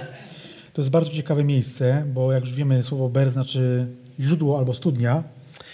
I kiedy prześledzimy Pismo Święte ten fragment Księgi Rodzaju, to okazuje się, że Szeba, czy Shiba, w zależności od tego, jak to przeczytać, to jest takie miejsce szczególne, bo w tym miejscu Bóg podświadcza, że obietnicę, którą dał jemu ojcu, nadal obowiązuje, teraz jego Izaaka.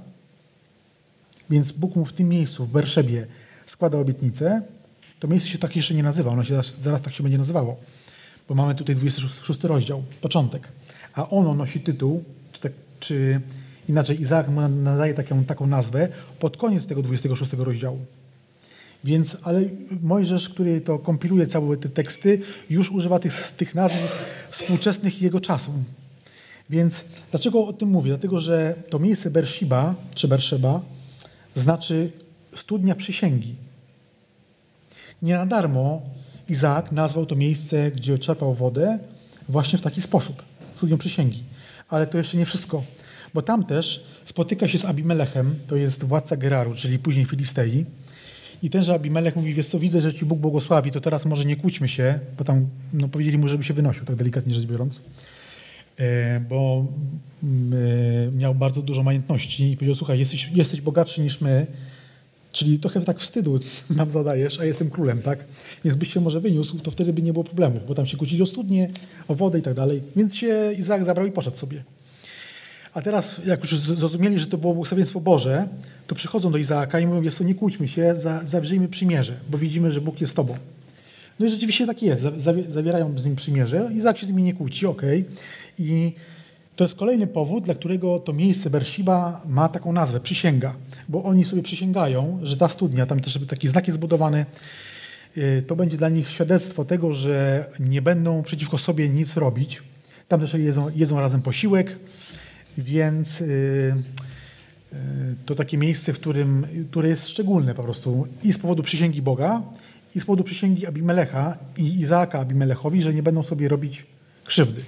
Więc Berszeba, będziemy kiedyś później czytać Księgi Królewskie, tam te wszystkie działania wojenne, to właśnie to jest miejsce bardzo historyczne i dobrze znane później w Starym Testamencie.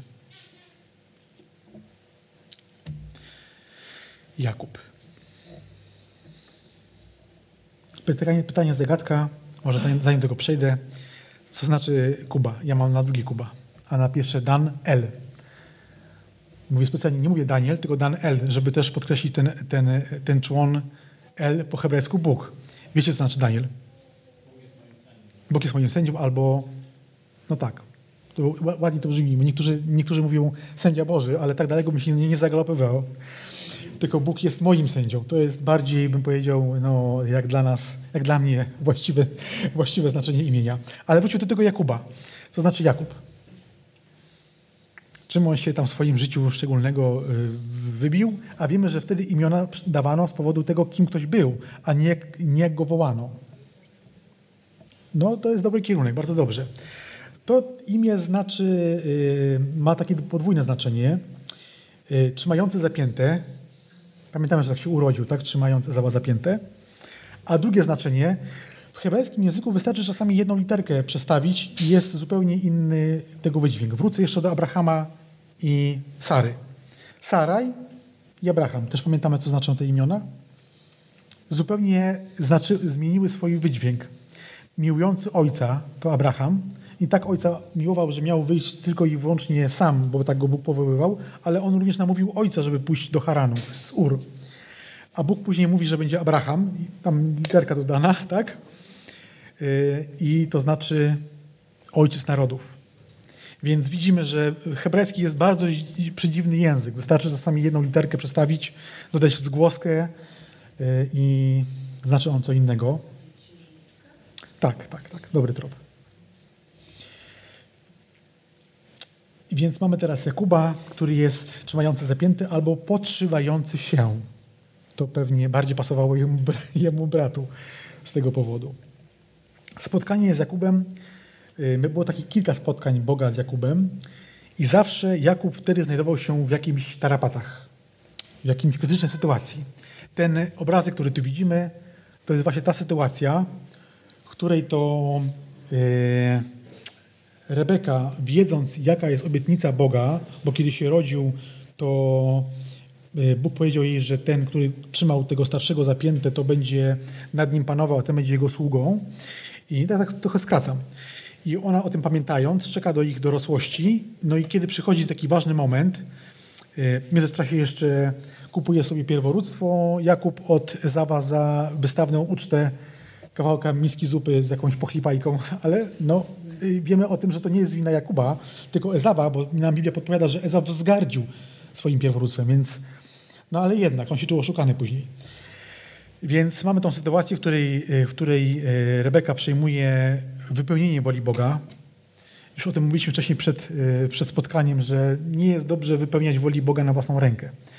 Widzimy to z Hagar i z Ismaelem, jak Sara chciała pomóc Bogu i co się z tym nie stało. Widzimy to też na tym przykładzie. Takich przykładów jeszcze później będzie więcej.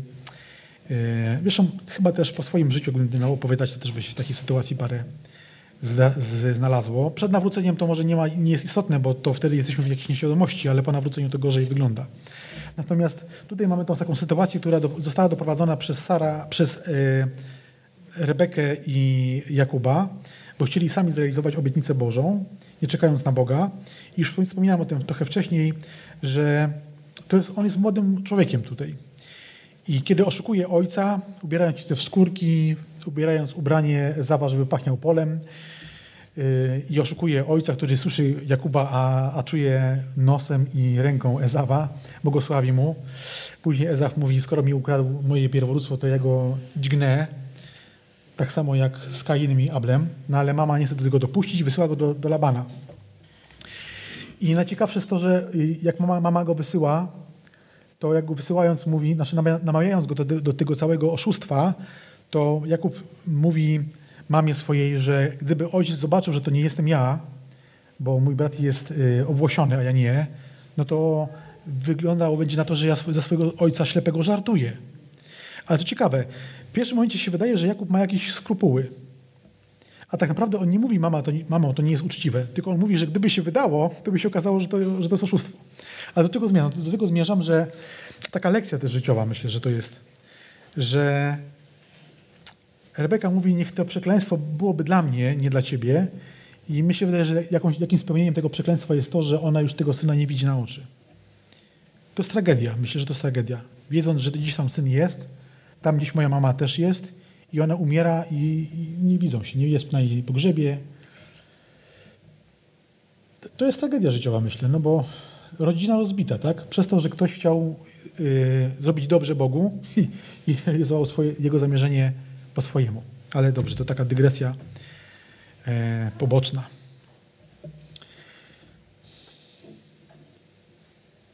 Śpi na kamieniu, jak widzieliśmy, śni mu się ta drabina, czy tam schody, w zależności od tłumaczenia.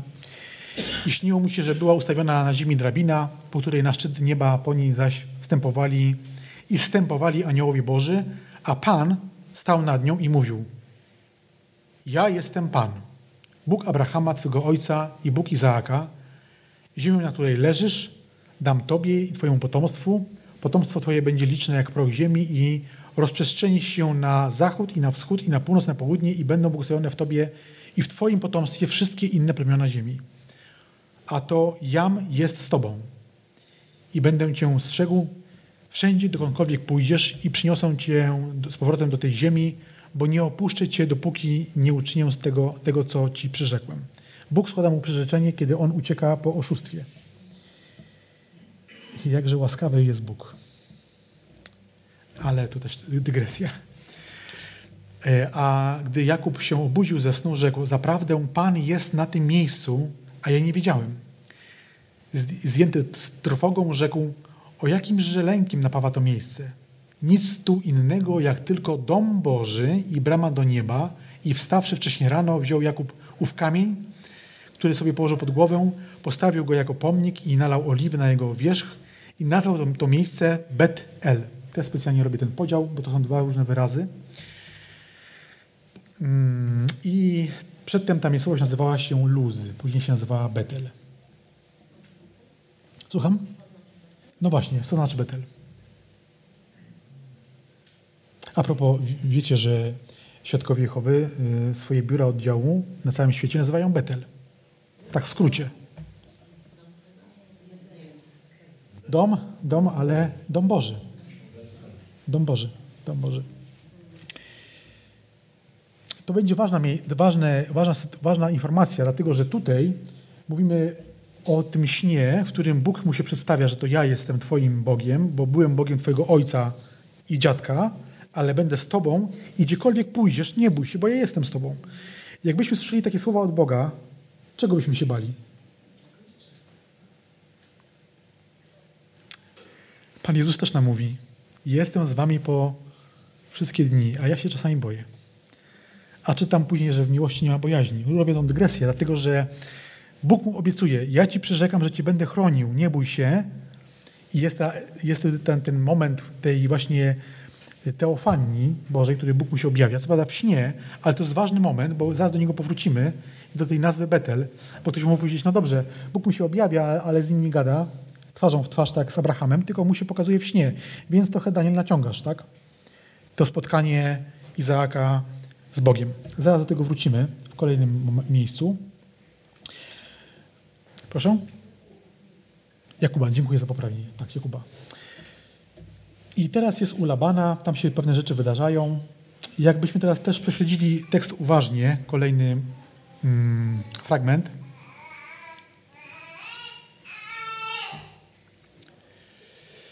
Posłał więc Jakub i wezwał Rachelę i, i, Rachelę i Leę. Powiem może w dwóch słowach o co chodzi. Jesteśmy teraz w momencie, gdzie już mijają lata, odkąd Jakub służył Labana. Najpierw to oszustwo z Leą i Rachelą. On pokochał młodszą, ale w naszym zwyczaju nie jest, żeby młodsza wychodziła przed starszą, więc zostaje starszą. A teraz długie 7 lat, czyli razem 14, rób na tą drugą.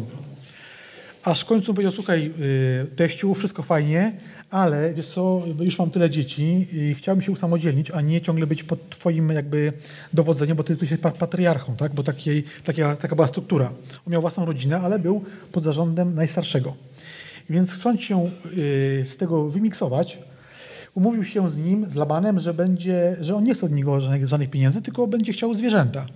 Że się będą rodzić łaciate i prążkowane i on sobie to weźmie. Ale Laban powiedział OK, ale wysłał swoich synów na wszystkie swoje stada, kazał oddzielić te gładkie od tych takich niegładkich i jakie dał do, do, opiece, do opieki e, Jakubowi? Te gładkie. Wychodząc z założenia, że skoro oddzielił je genetycznie, oczywiście o genach, o genach nie myślał, tak, ale wiedział, że się niegładki z gładkim połączy, no to się prawdopodobnie też urodzi ten taki centkowany. Więc skoro mu dam tylko gładkie te w jednym kolorze, no to marne szanse, nic takiego mu się nie urodzi. Wiemy, że Bóg chciał inaczej, natomiast ta, jest ten, ta sentencja z tymi patykami struganymi, ale to już jakby inaczej i to już do tego nie nawiązuje. Chodzi mi o sam fakt. On później się przekonuje, że Bóg mu błogosławi, bo jego synowie mówią, ogołociłeś naszego ojca ze wszystkiego. Masz od niego kilka razy więcej. No i tam jest niedobrze. I jesteśmy w tym, tej sytuacji, gdzie, zobaczmy, Jakub wychodzi z żonami na pole. To dziwne miejsce, żeby prowadzić rozmowę. Dlaczego poszli na pole? Żeby ich nikt nie usłyszał, tak. Bo ktoś mógł donieść. Wtedy anioł Boży, on opowiada o spotkaniu swoim z Bogiem, swoim żoną. Rzekł do mnie, Jakubie, a ja odpowiedziałem, oto ja. On zaś rzekł, podnieś oczy i zobacz, że wszystkie samce, które pokrywają owce, są pręgowane, centkowane i łaciate. Widziałem bowiem wszystko, co ci czyni Laban. Ja jestem Bogiem z Betel. Przypomina mu się teraz. To, co ci się śniło, to nie był tylko sen, bo zjadłeś za dużo kiełbasy. To byłem ja tym Bogiem. Teraz mu się ukazał bezpośrednio. I nawet gdybyśmy wcześniej twierdzili, że Daniel trochę naciąga te fakty, że Bóg się pokazał y, Jakubowi, to tutaj mamy potwierdzenie, że Bóg jest przy nim i mu mówi, że to byłem ja. Ale wcześniej mamy jedenasty werset, że to jest anioł Boży. No to w końcu to jest, no to w końcu kto jest tym aniołem Bożym? Czy to jest Bóg Jahwe, czy to jest tylko anioł? Niech się Pismo Święte w końcu zdecyduje, o kim mówi, bo na razie żongluje sobie tymi określeniami między jednym a drugim, drugą osobą. Y, gdzie namaściłeś pomnik i gdzie złożyłeś ślub? Wstań teraz, wyjdź z tej ziemi i zwróć do ziemi rodzinnej. No i on wraca.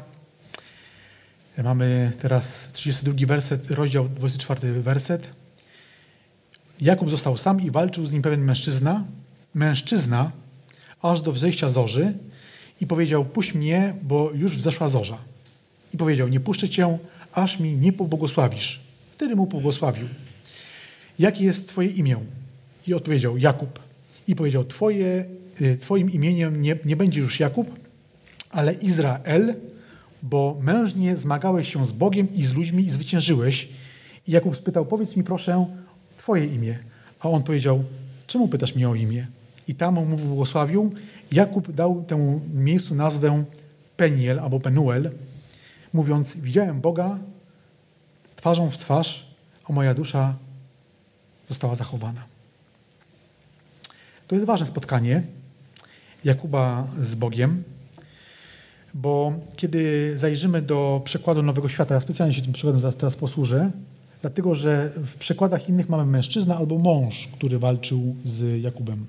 A tutaj jest powiedziane bardzo ładnie, też bardzo, bardzo dobrze przetłumaczony ten fragment, jakiś człowiek z nim walczył. To jest 24 werset. Ale 30 już czytamy, że Jakub mówi, widziałem Boga. Bóg, człowiek. Jak złożymy to, te puzzle, to mamy bardzo nowotestamentowe skojarzenie. Oczywiście ktoś powiedział, no dobrze, ale trochę naciągasz.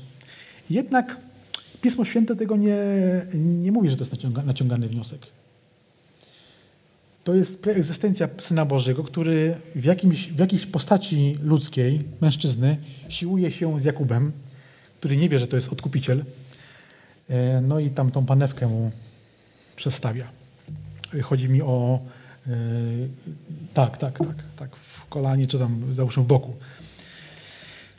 Dalej e, to spotkanie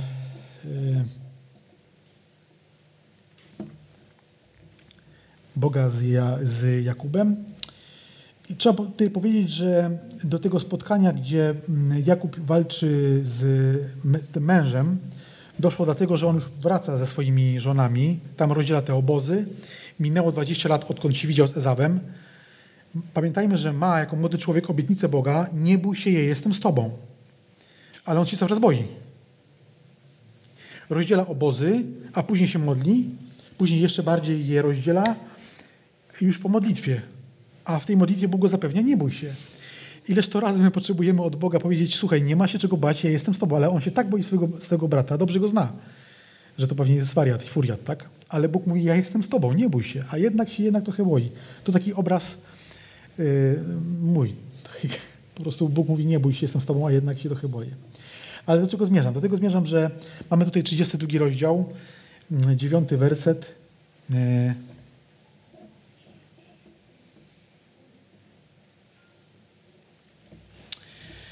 Bóg znowu się ukazał e, e, Jakubowi, wpadł tam Aram i mu błogosławił. I a propos właśnie, bo mówiłem wcześniej o Izrael, co znaczy, ten, co znaczy określenie słowo Izrael. To było w tekście tak trochę. Pytanie, zagadka znowu. Zmagający się z Bogiem, tak. tak. Czy w ogóle, no tak, może. Czy...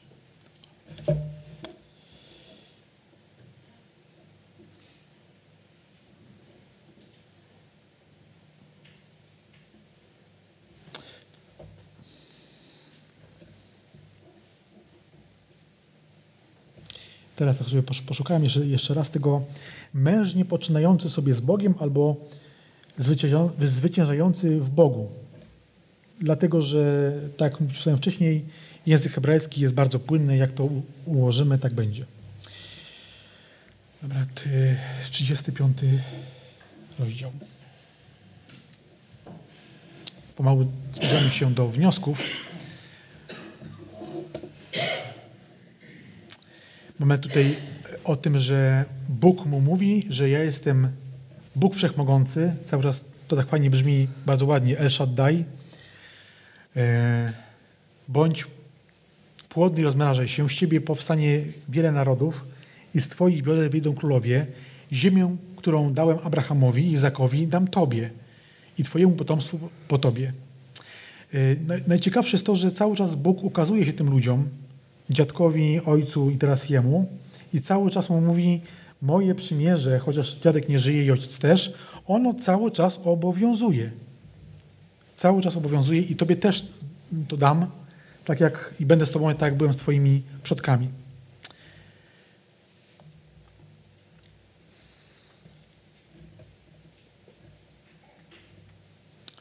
Teraz przechodzimy do takiego, do takiego momentu, w którym yy, widzimy kolejny, może nie obraz Teofanii, tylko Jakub już jest w Egipcie, ta cała przewałka z Józefem, z braćmi, te próby, tak kojarzymy sobie to dobrze, bo mieliśmy niedawno e, całą opowieść brata Sławka. I jak już został ściągnięty, e, ściągnięty Jakub z całą rodziną do Egiptu, to Józef przyprowadza mu swoich synów i to jest relacja o tym, jak Jakub wspomina to, co Bóg z nim robił. To gdy się stało, dano znać Józefowi. Chodziło o to, że on zachorował.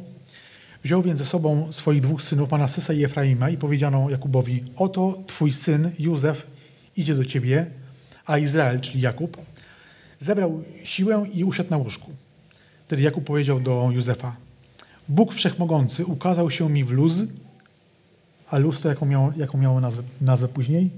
Tak, Betel. Ale widać, że żyły te, obie te nazwy. Być może bardziej w Egipcie była znana luz, dlatego mówi to Józefowi o luzie. W ziemi Kanaan i błogosławił mi, dlatego teraz twoi dwaj synowie, Efraim i Menasses, którzy się urodzili ci w ziemi Egiptu, zanim przyszedłem do ciebie do Egiptu, są moi. Czyli tak jakby adopcja, tak? Stąd też mamy później ich wymienianych w różnych rodowodach. One się, się trochę ruszają. Szczególnie są odmienne te w Księdze Objawienia od tych, które mamy w Starym Testamencie, ale mamy tutaj informację o tym, że jakby są oni Jakubowi. Będą oni jak mój Ruben i Symeon. Ruben jest pierworodny, a Symeon chyba drugi w kolejce, jeśli dobrze sobie kojarzę. Wtedy Józef odsunął ich, podsunął ich do, do, jego kolan i pokłonił się twarzą do ziemi. Ja omijam, bo tam są te kwestie z, z, z, ze skrzyżowaniem rąk, to już jakby mniej istotne. I błogosławił Józefowi mówiąc, Bóg, przed którego obliczem chodzili moi ojcowie, Abraham, Izaak, Bóg, który mnie żywił od mojej młodości, pamiętamy ten kamień i drabinę, aż do dziś, anioł, który mnie wybawił. To w końcu o kim mówi y, Jakub? Józefowi. Jaka to jest relacja? Mówi mu w końcu o aniole, o aniele, czy o Bogu? Bo widać, że dla niego jest jakby, znaczy nie jakby, Bóg, o którym mówi i anioł, który mu się pokazywał, dla niego to jest równa się, tak? Bo mówi o jednej osobie. Bóg, przed którego obliczem chodzili moi ojcowie, a w szesnastym mówi anioł, który wybawił mnie ze wszystkiego zła. Niech błogosławi, czyli ten anioł, niech błogosławi twoim chłopcom, i niech będą nazywani od mego imienia i od imienia moich ojców, Abrahama i Izaaka i niech się rozmnożą na ziemi. Dlaczego ja tutaj wytłuściłem to słowo błogosławi? Anioł w jaki sposób może błogosławić? Sam, z siebie. Jest to posłaniec Boży, tak? Aniołowie przy, przy, przy, przynosili informacje, mamy o tym wyraźnie w Nowym Testamencie chociażby, którzy przychodzili i w imieniu Boga i mówili o błogosławieństwie Bożym, a nie swoim własnym. No bo oni są wykonawcami woli Bożej ale błogosławi, błogosławi Bóg, a nie anioł. Anioł nie ma mocy sprawczej. Moc sprawczą ma Bóg. Potem Izrael powiedział do Józefa, oto ja umieram, ale Bóg będzie z wami i przywróci was do ziemi naszych ojców. Więc y, jest to taki fragment, w którym widzimy, że y, pewne rzeczy minęły może z czasem też Józefa. Wiemy, że Józef był w swoim okresie trochę pyszałkowaty, bo opowiadał na lewo i prawo swojej rodzinie o swoich snach i to go doprowadziło do Egiptu, ale to była wola Boża, żeby ocalić ten naród. I, Bóg, i, i to Józef zrozumiał, nawet jeśli później po śmierci ojca Izraela boją się jego synowie, jego bracia, jego reakcji jako mężo, możnego władcy w Egipcie, że ich schudzi głowę, no to mówi nie, ja już to, ja już to wiem. Tak miało być. To jest y, bardzo ciekawe, ciekawe, jak do tego podchodzi y, właśnie Józef. Natomiast upewnia Józefa o tym Izrael, że Bóg mu błogosławił. Przez cały czas się przewijała taka myśl, którą zadawałem co jakiś czas, takie pytanie, jak pochodzi, pogodzić zasadę z Pisma Świętego, Boga nikt nigdy nie widział, ze świadectwami tego, że Pisma Święte mówią o tym, że ludzie spotkali Boga Jahwe. Z jednej strony czytamy, że nie widział, a z drugiej strony czytamy, że widział. Stąd też y, zacytowany jest ten fragment z y, Ewangelii Jana, pierwszego rozdziału 1, 4, 14 i 18. Na początku było Słowo, Słowo było u Boga i Bogiem było Słowo. Ono było na początku, wszystko przez nie się stało. Czwarty werset, w nim było życie. I osiemnasty uważam, że jest kluczowy. Boga nikt nigdy nie widział. To jest potwierdzenie tego naszego wniosku, że Boga się nie da zobaczyć. Jednorodzony Syn, który jest w łonie Ojca, albo na łonie Ojca, w zależności od przykładu, On nam o Nim opowiedział. I Pan Jezus do Filipa, który mówi, pokaż, pokaż nam Ojca, e, mówi, no to widziałeś mnie, to widziałeś Ojca. I jak to wszystko przełożymy na to, kim Pan Jezus był, że Jezus, czy Jehoszua po hebrajsku, ja wiem, że ja nie mówię oryginalnie, ale czytam tak jest napisane, tak? Jehoszuach, Jachwę zbawieniem. Niektórzy mówią, że Jachwę jest zbawieniem, ale gdyby tak się trzymać tylko i wyłącznie tego tłumaczenia bardzo dosłownego, to można powiedzieć, że to imię brzmi Jachwę zbawia albo Jachwę zbawieniem. Dlaczego Pan Jezus ma takie imię? Bo jest Bogiem Jachwę. Bo zrobił, zrobił tyle w zbawieniu naszym, ile zrobiłby Bóg. Odkupił y, wszystkich ludzi swoją śmiercią, więc nie mógł być którymś tam z rzędu stworzeniem, bo by nie dokonał tego, mm, tego dzieła. I tak jak patrzymy na ten cały obraz y, tych kilku wydarzeń z patriarchów, że Bóg się ukazuje w Edenie, Bóg się ukazuje y, przy wieży Babel. To już wspominałem, że to taka moje rozumienie tych fragmentów. Ale też później widzimy przy patriarchach, widzimy, że Bóg od Adama i Ewy przez cały czas patriarchów w przyszłości powiemy o prorokach i Izraelu. Tam też było bardzo dużo tych objawień, już w innych formach objawień. Nie jest to tylko anioł i człowiek, mężczyzna, ale też w inny sposób się Pan Jezus objawia. Widzimy, że cały czas jest tym Bogiem Jahwe, który jest Zbawicielem tych, których powołuje, tych, których wybrał. I tak też przedstawia się ludzkości. Tak? Kiedy pojawia się Jan Chrzciciel, to mówi prostujcie swoje ścieżki, bo powołuje się na fragment z Malachiasza 3.1, który mówi, tam jest taka też sekwencja, w którym czytamy, że, i, że Bóg mówi, że ja przyjdę, a w kolejnym zdaniu mówi, że pośle swojego posłańca. To w końcu też pytanie powstaje, kogo poślesz? Posłańca, czy ty przyjdziesz? Wiemy, że tym posłańcem, Bogiem Jahwe, Bogiem Synem jest Jezus Chrystus.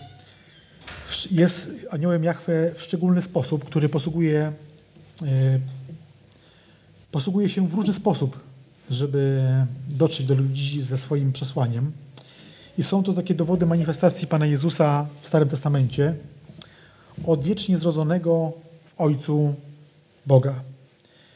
I ten, ta myśl, że w Chrystusie jest objawienie Boga, myślę, że e, Piotr, nie Piotr, tylko e, Paweł to dobrze, dobrze to rozumiał mówiąc o Jezusie, napisał: On jest obrazem Boga niewidzialnego. Jeśli przeniesiemy to sformułowanie na Stary Testament, na, te, na tą Chrystofanię, no to oczywisty sposób, tak? Nowego Testamentu jeszcze nie było, tak? Więc, więc mówi tylko i wyłącznie apostoł Paweł to, co sam ma relację z Panem Jezusem i to, co czyta w pismach hebrajskich. On jest obrazem Boga niewidzialnego i pierworodnym wszelkiego stworzenia. Przez Niego bowiem wszystko zostało stworzone. I to, co w niebie, i to, co na ziemi, i to, co niewidzialne i widzialne, i czy trony, czy panowania, czy zwierzchności, czy władze, wszystko przez Niego i dla Niego zostało stworzone. Jesteśmy własnością Pana Jezusa. On jest przed wszystkim i wszystko istnieje dzięki Niemu. On też jest głową ciała Kościoła. On jest początkiem i pierworodnym z umarłych. Takie pytanie, w jakim sensie jest pierworodnym z umarłych? W takim sensie, że kiedy Pan Jezus zbudzał z umarłych ludzi, no to to nie było zmartwychwstanie. To było obudzenie ze snu. I tak też Pan Jezus mówi. Nie umarł, tylko śpi. No to jak śpi, to się obudzi. Nie. Ja go muszę obudzić, bo tylko ja mam taką moc obudzenia. Ale prawdziwe zmartwychwstanie to zmartwychwstanie do życia wiecznego. Dlatego jest pierworodnym z umarłych, który tak właśnie zmartwychwstał. Aby we wszystkim był pierwszy, ponieważ upodobał sobie Ojciec, aby w nim mieszkała cała pełnia. W języku polskim nie mówimy cała pełnia, to wiemy, mówimy albo cała, albo pełnia ale w Grece też tak się nie mówi, a jednak jest cała pełnia, czyli nie ma nic więcej, co można by do całej pełni dodać, bo jest cała i pełna. Jeśli dobrze się, jeśli dobrze się wyraziłem. Tak, tak. I żeby przez, przez, przez Niego pojednał wszystko ze sobą, czyniąc pokój przez krew Jego krzyża. Przez Niego mówię to, co jest na ziemi i to, co jest w niebie. E, to tak pobieżnie można powiedzieć. E, są takie wnioski ale myślę, że te wnioski pokazują już choćby w tej części, że e, patriarchowie mieli relacje z Panem Jezusem w taki, w taki sposób bardzo osobisty i namacalny. E, my mamy relację, myślę, że nienamacalną. E, nie siłujemy się z mężczyzną, nie widzimy, nie widzimy takich obrazów, ale myślę sobie, że jest ona dużo pełniejsza. Bo świadectwo Ducha Świętego jest dużo pełniejsze niż to, co oni mieli od czasu do czasu, jakieś spotkanie. Widzimy, że się zmagali ze swoją wiarą, z zaufaniem, chociaż wiedzieli, że Bóg to zrobił, bo widzieli po ojcu, po dziadku, to jednak mieli problemy z wiarą. My też je mamy, ale mamy się do czego odwołać, bo mamy też spisane słowo, a oni tego jeszcze nie mieli przez długie lata.